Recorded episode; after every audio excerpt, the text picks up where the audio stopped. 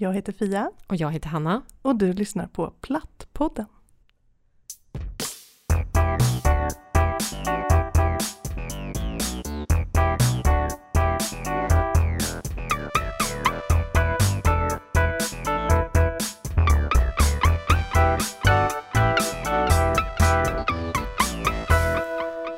I den här podden kommer vi att utforska den stora plattheten kan man säga. Kanske inte den plattheten som du först tänker på, utan i det här sammanhanget så handlar det om bröst.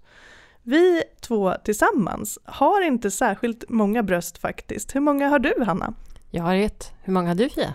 Jag har faktiskt inga alls och det känns helt okej okay för mig. Vi kommer också ta upp eh, olika ämnen som handlar om hur det kan komma sig att man lever med färre än två bröst. Det kan ju handla om cancer eller en förebyggande cancerbehandling som man har genomgått.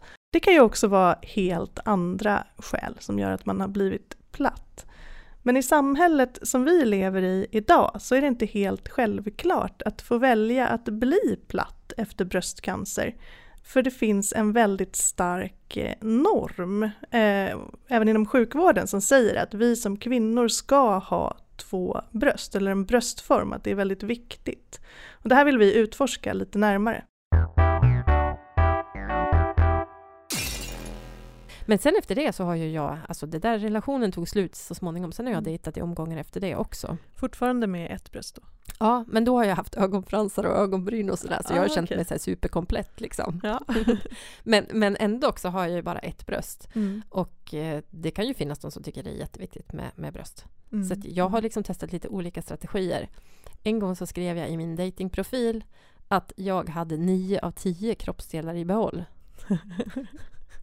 ja men det är ändå... Ja, ja och det, det blev jätteintressanta diskussioner för då började folk fråga så här. Det är en snackis liksom. Ja, första frågan var så här.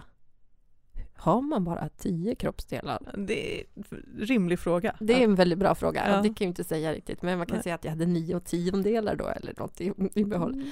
Och sen var ju andra frågan då förstås, vad, vad, vad saknar du? Mm. Ja, ska vi börja gissa? Precis, och då brukade jag säga direkt att jag inte hade något bröst. Mm. Um, för att tänker man då liksom att jag är liksom inte intresserad av att träffa personer som tycker att det är jätteviktigt att jag har två stora bröst. Nej. För att det har jag aldrig haft. Eh, och jag har andra kvaliteter som person istället för två stora bröst. Jag har ju bara ett litet. Mm. Så att för mig så ser jag liksom det här, eh, jag har alltid talat om det väldigt fort. Alla som jag pratar med så säger jag att jag har ett bröst. Mm. För jag ser det som en slags sil. Mm. Att de här riktiga korkskallarna, de fastnar liksom ovanpå, så ramlar de bort. Mm. Så behöver jag liksom inte ha någonting med dem att göra. Nej. Utan de som, liksom, de som ändå stannar kvar och pratar, de har i alla fall, de har i alla fall någonting mellan öronen. Liksom. Mm. Det är någon sorts rövhattsil. Och nu har jag en, en ny kropp som ser ut så här. Och mm. den är jättebra. Mm. Och eh, även att ärren på något sätt är ju en påminnelse om vad man har gått igenom. Mm. Och jag tror att en del tycker att det är väldigt jobbigt och inte vill se dem. Mm. Men jag ser det istället som någonting vackert. Jag är en överlevare, jag har tagit mig igenom det här och en massa andra saker också i mitt liv. Och de mm. är man bär med sig, oavsett om det är i kroppen eller om det är liksom mer känslomässiga är. De, mm. de definierar ju vem jag är. Mm. Men det står ju också i, i de här riktlinjerna att vi får psyk psykosociala störningar när vi inte har några bröst. Mm. Det brukar vi alltid fråga alla som vi pratar med. Så här, Känner du dig lite psykosocialt störd nu när du inte ser ut som en riktig kvinna? Precis. Ja, nej, faktiskt inte. Men du har inte känt av det heller alltså? Inte det minsta. Nej. Jag känner mig faktiskt nu när jag fått ta bort det andra. Nu känner jag mig mycket snyggare. Mm. Ja. Nu känns det som att nu ska jag ut och i sommar shoppa kläder och gå omkring och vara snygg. För det har inte jag känt riktigt när jag har varit mm. där. Känt mig liksom osymmetrisk. Mm. Det gillade jag inte.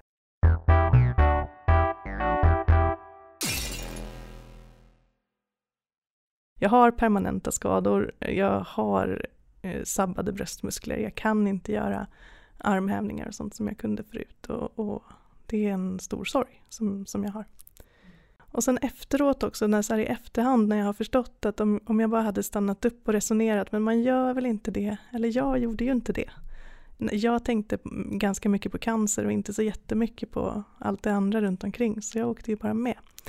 Och om jag hade fått en chans att reflektera lite mer och tänka till lite mer så hade ju inte jag, tror jag, gjort. Någon, kanske den första hade jag kanske gjort ändå, men, men när det började gå tokigt så hade jag nog avbrutit betydligt fortare än vad jag gjorde.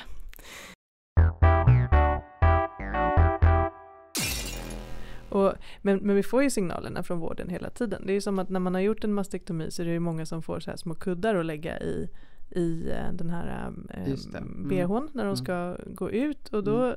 Eh, flera stycken är det ju. Vi har pratat om det mycket mm. i plattnormens forum där. Mm. Att man har frågat, men är det för kompression eller, mm. eller är det, nej men det är för att du liksom inte ska behöva känna att du inte har någonting där, att du är platt eller så, att det inte syns. Ja, de där skumgummiguckorna som man fick med sig. Ja, ja jag fick inga sådana. Jag mm. tror att vid det laget så hade jag varit blivit nästan lika bestämd som Hanna. Mm. Eh. Jag var också så arg så jag fick heller inga, ingen som vågade ge det till mig. Nej. ja, men jag tror att jag fick med mig någon sån. Mm. Men då var ju det liksom det var ju en utseende grej. Det var inte, det, det, är många som tror att ah, man kanske behöver lite kompression på, mm. på mm. Äh, sårområdet här. Mm. Men det är inte därför utan det är en utseende grej. Så när man mm. går ut från sjukhuset då är det jäkligt viktigt att man kan presentera en schysst bröstform. Alltså det är... Precis, vad skulle hända annars? Vad, ja, vad annars? skulle hända annars? Ja, Jag går runt här i mitt asymmetriska liv och mår men, bra. Ja. How dare you? How dare you?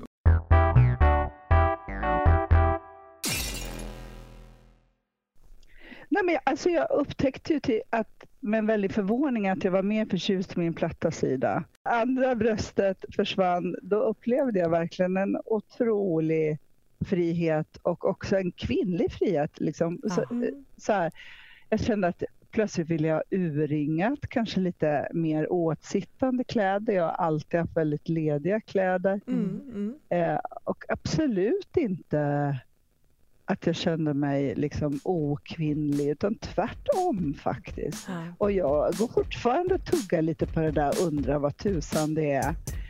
Ja. Eh, men så är det.